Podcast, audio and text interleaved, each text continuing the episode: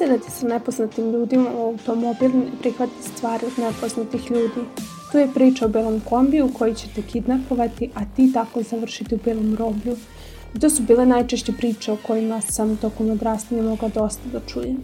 Ne smetram da su prve dve rečenice loše, šta više, vidim ih kao veoma korisne, ali ovu poslednju smatram pogrešnom u izvesnoj meri. Jer sam tek godinama kasnije, kada sam počela da se informišem o ovoj temi, shvatila da zapravo trgovina ljudima nije takav proces u kom će tebe neko da kidnapuje upravo bijelim kombijem ili kada se to dešava u pitanju mali zanemarivi broj slučajeva, odnosno da u velikom broju slučajeva trgovci ljudima uslovno rečeno jesu ljudi koje poznajete i to upravo nečiji prijatelji, rođaci, drugari ili očevi. Smatram da svijest o tome još uvek nije dovoljno razvijena i da posebno mlađima treba govoriti zapravo šta predstavlja trgovina ljudima i koji su to načini na koje ona može da se dogodi. Slušajte podcast Devojka iz predgrađa DIP. Moje ime je Slavica Trifunović, a danas su sa nama Hristina Piskulidis iz organizacije Astra i Milica Kravić Aksamit, novinarka i aktivistkinja sa kojima ću pričati o trgovini ljudima koje mogu biti potencijalne žrtve i da li su krize izazvane pandemijom koronavirusa i ratom u Ukrajini uticale na ovu pojavu. Trgovina ljudima je prodaja i kupovina, odnosno eksploatacija osoba i ostali procesi koji mogu biti povezani sa tim, a sve u cilju zarade. Eksploatacija može biti izvršena upotrebom sile, pretnje, prevare, otmice i tako dalje, a sam pristanak žrtve na eksploataciju smatra se takođe trgovinom ljudima. Žrtve mogu biti svi, a trgovci ljudima su često osobe poznate žrtvi. Nekoliko je oblika trgovine ljudima, seksualna eksploatacija, prinudna prostitucija, prinudno prosjačenje, prinudni brakovi, prinuda na vršenje krivičnog dela i tako dalje. Žrtva trgovine ljudima može biti bilo ko, ne samo žene, već i deca, pa i muškarci. Radna i seksualna eksploatacija jedna su od najčešćih razloga trgovine ljudima. Uglavnom to ne počinje tako što se žrtva namami u beli kombi, kao što sam u svom komentaru na početku izdanja i rekla. A kako počinje? Odmah na početku će nam to objasniti Hristina Piskulidis iz organizacije Astra sa kojom sam razgovarala o ovoj temi. Slušamo je dok govori o tome kojim se metodama trgovci ljudima služe da bi pridobili žrtvu. Postoji taj proces vrbovanja gde se osobe različitim primamljivim ponudama zapravo uvlače na neki način u lance trgovine ljudima. E sad to uvlačenje, odnosno vrbovanje, ukoliko je u pitanju seksualna eksploatacija, vrlo često se dešava na osnovu zapravo za osnivanja nekog uslovno rečeno romantičnog odnosa, gde se u jednom trenutku ispostavi da ta osoba sa kojom ste u odnosu je zapravo ili trgovac ljudima ili neko ko se isključivo bavi uspostavljanjem takvih odnosa da bi vas kasnije isporučio trgovcu ljudima. I taj fenomen se zove Loverboy i mislim dešavao se uh, dovoljno često da već stekne i svoj naziv i da bude fenomenološki prepoznat. Imamo dve vrste žrtava. Prve su osobe koje su odrasle u nekoj vrsti nasilja, bez obzira da li je u pitanju porodično, vršnjačko ili partnersko. Te osobe neće reagovati na isti način kao neke druge, koje nisu odrasle u istim okolnostima, a samim tim neće prepoznati preteće ponašanje. Takođe imamo i osobe koje se u potrazi za boljim životom osnovne na indirektne ili direktne poznanstva, kaže Piskulidis. S obzirom na to da sve veći ljud, broj ljudi prosto želi da odu u inostranstvo i zainteresovano je po svaku cenu na nekako no, sebi obezbedi bolji život. Ljudi vrlo često odlaze i na osnovu tih nekih prijateljskih ponuda, uslovno rečeno prijateljskih, koje su neproverene, nego je to znamo nekog ko zna nekog ko je išao negde pa je nešto pa je nešto zaradio i to vrlo često mogu da budu i nepre, neproverene informacije koje ponekad može da se ispostavi da su lažne, pa onda uslovi o kojima ste pričali e, e, da se e, odvijaju na tom zaposlenju zapravo nisu tačni. Kako još možemo da znamo ko može biti žrtva? Već smo rekli da žrtva može biti i žena i muškarac, ali nažalost i dete. A prema rečima Piskulidis dešava se trend opadanja starostne granice kod nas i u Evropi, jer godine često nisu prepreka trgovcima ljudima, pa se tako starostna granica žrtava smanjuje. Da što se tiče eksploatacije trgovine ljudima generalno, da je ta granica, starostna granica sve niža i niža i da zapravo to je trend i kod nas i u Evropi, da što se tiče seksualne eksploatacije, da su zaista u pitanju devojčice od 12, 13, 14, 15 godina u trenutku vrbovanja. Ovaj, ali da ima dosta žrtava i dečaka i da je takođe i njihov broj u porastu, ne toliko školiko, što se tiče seksualne eksploatacije, ali, na primer, kao što sam rekla, oni su žrtve prinudene vršenje krivičnih dela i radne eksploatacije, naročito radne eksploatacije i svemu tome su u velikoj meri doprinele migracije. Žene su češće žrtve seksualne eksploatacije, a Milica Kravić-Aksamit, sa kojim smo razgovarali o ovoj temi, objasnila je da svako može postati žrtva trgovine ljudima i da koliko god mislimo da je to daleko od nas, zapravo se dešava u našem susedstvu, a Srbija nije više samo zemlja tranzita. Dakle, Srbija je nekada možda bila zemlja samo tranzita. Ona je danas zemlja u kojoj se do kraja, dakle u susednoj ulici malte ne, e, može da se dešava e, sve to, a da mi toga nismo svesni, zato bih volala da izađemo iz začarnog kruga, da mislimo da su to tamo neke ugrožene e, osobe i da ne možemo se identifikujemo neke žene koje su siromašne ili, ili ne znam, iz neke nacionalne zajednice, dakle nije, nije tako, naravno postoje ranjivije grupe, ranjivije situacije u kojima možemo lakše prosto da upadnemo u tu neku neku zamku, ali ako znamo da i oni koji nas vrbuju i trafikeri u, u velikom procentu jesu i ljudi koje poznajemo i jesu ljudi e, kojima verujemo, dakle članovi porodice, onda zaista priča malo onako drugačije zvuči. Milica Kravić Aksamit načinje temu ko može da bude trafiker, a Hristina Piskulidis objašnjava koje su to najčešće zablude sa kojima se susrećemo, a odnose se upravo na one koji mogu biti posrednici ili sami trgovci ljudima. Mi vrlo često mislimo da su to neki ljudi očigledni kriminalci koji su u nekom trenutku tu stvore oko nas i da ćemo mi odmah da ih prepoznamo, ali to u suštini nije tako. Ti ljudi izgledaju apsolutno obično i to vrlo često mogu da budu, kao što sam rekla, prijatelji, ponekad i rođaci, komšije, uh, neko kog smo nekog sreli, pa, negde sreli pa nas učinio, jel te, uh, finim i predusretljivim. Međutim, nisu više samo ulice prostor za vrbovanje. Sada opasnost može da vrebe i online prostoru gde je veoma važna medijska pismenost. Društvene mreže takođe mogu biti prostor u kojem se odvija vrbovanje. Često se može dogoditi da mladi, posebno devojke, uđu u prepisku sa nekim, kasnije započnu emotivnu vezu ili podele neke svoje eksplicitne fotografije, nakon čega mogu biti ucenjene na različite načine. To se može razviti u to da osoba postane žrtva trgovine ljudima. E sad ono što dodatno otežava stvari je to što sve ono što se nekad odvijalo u online okruž, e, offline okruženju, odnosno u jel te, svakodnevnoj komunikaciji je poslednjih godina nekako prešlo u online okruženje i tu su zapravo društvene mreže dosta doprinele da trgovina ljudima, naročito taj proces vrbovanja, zapravo postane manje vidljiv i teže prepoznatljiv. Ne sad mi znamo da ukoliko i, mer, i e, prosto mlade osobe provode vreme na internetu i da tu vrlo često sklapaju različite vrste poznanstava i prijateljstva sa ljudima koji su im u suštini nepoznati. Isto tako znamo i koliko ima neproverenih lažnih profila. Sve potiče od lošeg odnosa prema ženi, a trafiker ne može biti osoba koja drugu osobu smatra sebi jednakom, već manje vrednom – odnosno bezvrednom, kaže Milica Kravić-Aksamit.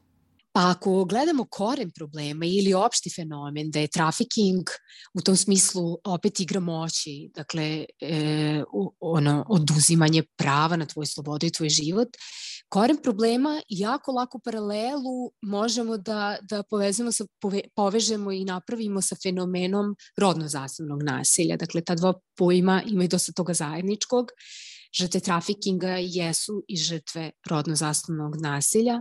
Koren problema jeste mizoginija, jeste ta potreba da, da uzmemo kontrolu nad tuđim životom i zašto su češće trafikeri muškarci, a žrtve trafikinga žene, upravo kao što je tako i u rodno zasnovnom nasilju, mi imamo taj kao slabiji pol, imamo prosto osobu koja preuzme kontrolu nad tobom. Ova pojava se ne može izjednačiti sa ropstvom u pravom smislu te reči, međutim žrtve su često izmanipulisane i primorane na konzumaciju narkotika i alkohola. Ti nisi fizički u lancima ali ti si apsolutno bez ikakvog prava na donošenje odluka, na slobodu, čak i, mislim, ne možemo očekivati da žrtva trgovine ljudima govori o tome ja sam žrtva trgovine ljudima ili da bude svesna fenomena ili da bude svesna kome treba da se obrati i tako dalje. Te osobe uglavnom naravno nisu svesne da im se to dešava, shvate kasnije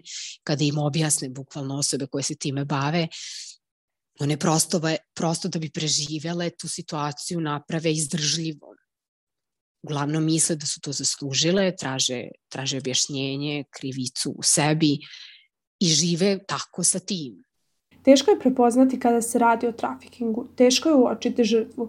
Ponekad i same žrtve nisu svesne u kakvoj situaciji se nalaze. Zato stvaran broj žrtava trgovine ljudima daleko je veći od broja otkrivenih slučajeva. Mi smo, na primjer, Srbiji, u Srbiji prošle godine zvanično identifikovano 46 žrtava i to su uglavnom ovaj, poznati počinjivci, pa onda se pokreću i neki sudski procesi. E sad, ono što je tu problematično je što zapravo m, svi stručnjaci ovaj, upozoravaju da je broj žrtava daleko veći m, i ta brojka koliko je veći, pretpostavka ide od 10 do 25 puta.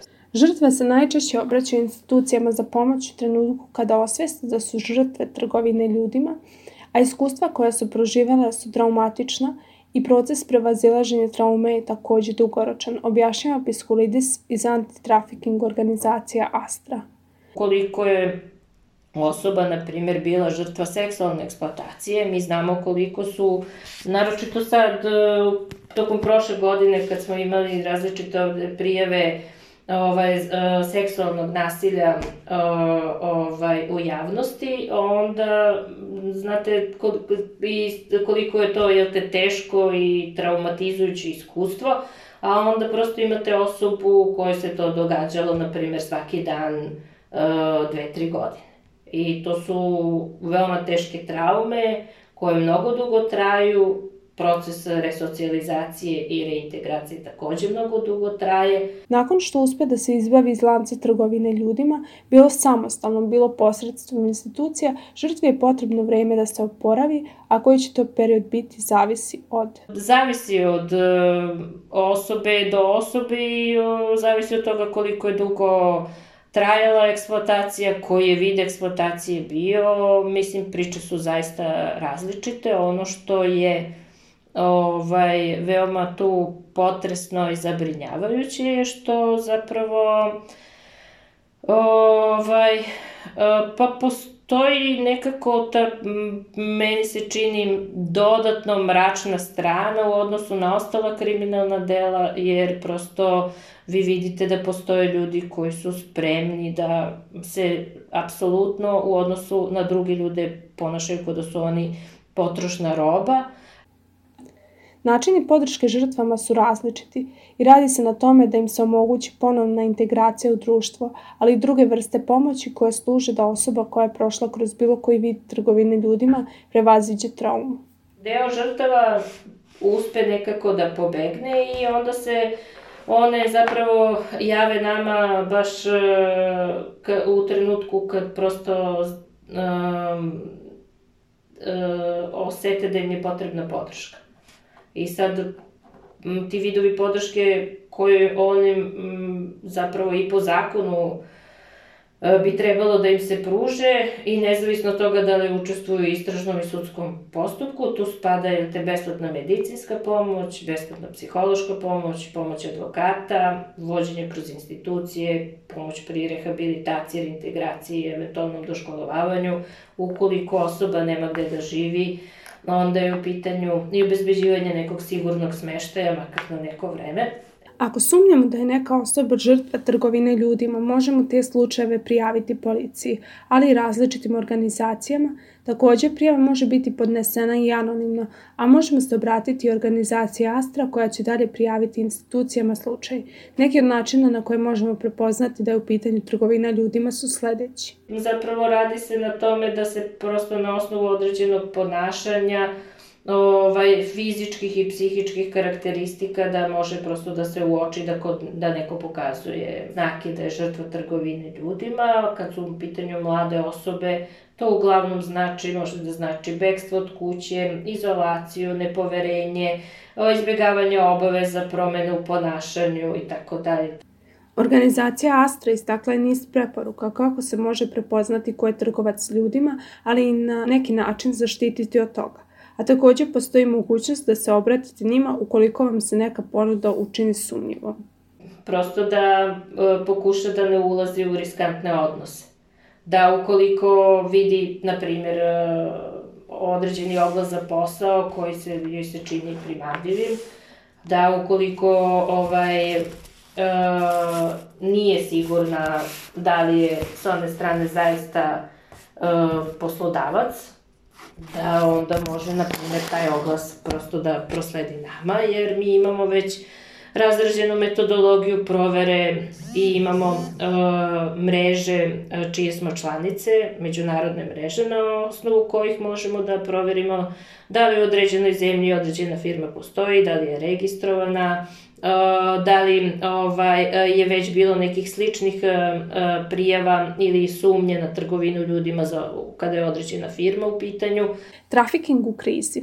Dugo smo živjeli i još uvek živimo u svetu punom posledice zbog pandemije izazvane koronavirusom. U prvoj godini nakon početka pandemije u Srbiji broj poziva organizacije Astra drastično porastao, a zvanično je tokom 2020. godine bilo 59 žrtava, a 2021. 46. Siromaštvo je jedan od okidača. Ekonomska kriza izazvana pandemijom koronavirusa, kako navodi Hristina Piskulidis, dovela je do toga da su ljudi ranjivi, a kao jedan od najvećih problema je to što su cena ljudski životi. Moguće da je samo se desilo da je prosto pandemija ubrzala neke stvari, i u, smislu tog online vrbovanja, s obzirom na to da smo svi bili upućeni na internet, to je jedna stvar. A druga stvar je da se desilo da usled e, toga što su granice bile zatvorene, da je došlo do porasta internet trgovine ljudima koje podrazumeva zapravo trafikovanje osoba iz jednog mesta u drugo. Na zdravstvenu krizu desila se i kriza u Ukrajini. Mnogima kod nas je to oživelo traume zbog dešavanja i rata 90. godina. Kriza izazvana ratom u Ukrajini može dovesti do zloupotrebe nesrećenih ljudi, pa se tako može dogoditi da među ljudima koji nude pomoć budu i trafikeri koji će iskoristiti situaciju za trgovinu ljudima. Rat je sad, evo, recimo, prava prilika da tome kako pričamo, jer na stranu što će biti gomila predivnih duša koje će na granici sa Ukrajinom čekati da pruže zaista tim ljudima pomoć, ramo zrame će pored njih stajati problematične kriminalne grupe, trafikeri koji će odvoditi te žene u lanac trgovine ljudima, i decu i devojčice. Dakle, i dečaci su oni koji su pored žena i devojčica e, žrtve trgovine ljudima u smislu seksualne eksploatacije, dok radnu eksploataciju češće će odrasli čovjek da doživi. Dakle, to se dešava na istom tom mestu gde ono majke ostavljaju kolica kako bi se našle drugim majkama iz Ukrajine na granici, da na istom tom mestu će i stajati neki trafiker koji će da čeka svoju narednu žrtvu. Slušali ste podcast Tip, devojka iz predgrađa, moje ime je Slavica Trifunović, pričali smo o trgovini ljudima, načinu kako osoba može da se zaštiti od toga, na primjer da se obrati nekoj od organizacija poput Astra kada sumnja da bi neki posao za koji se prijavljuje mogao biti sumnjiv. Razgovarali smo i o krizama izazvanim pandemijom koronavirusa i ratom u Ukrajini i načinu na koji one mogu biti iskorištene za trgovinu ljudima. Ne, trgovina ljudima se ne događa negde daleko, tu je u našem dvorištu, a samo edukacijom i podizanjem svesti o tome ćemo moći da gradimo bolje i bezbednije društvo za sve.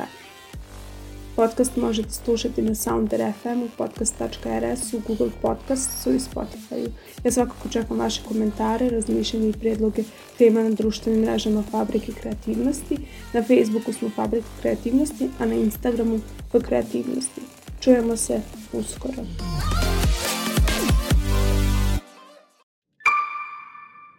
Produkcija Fabrika kreativnosti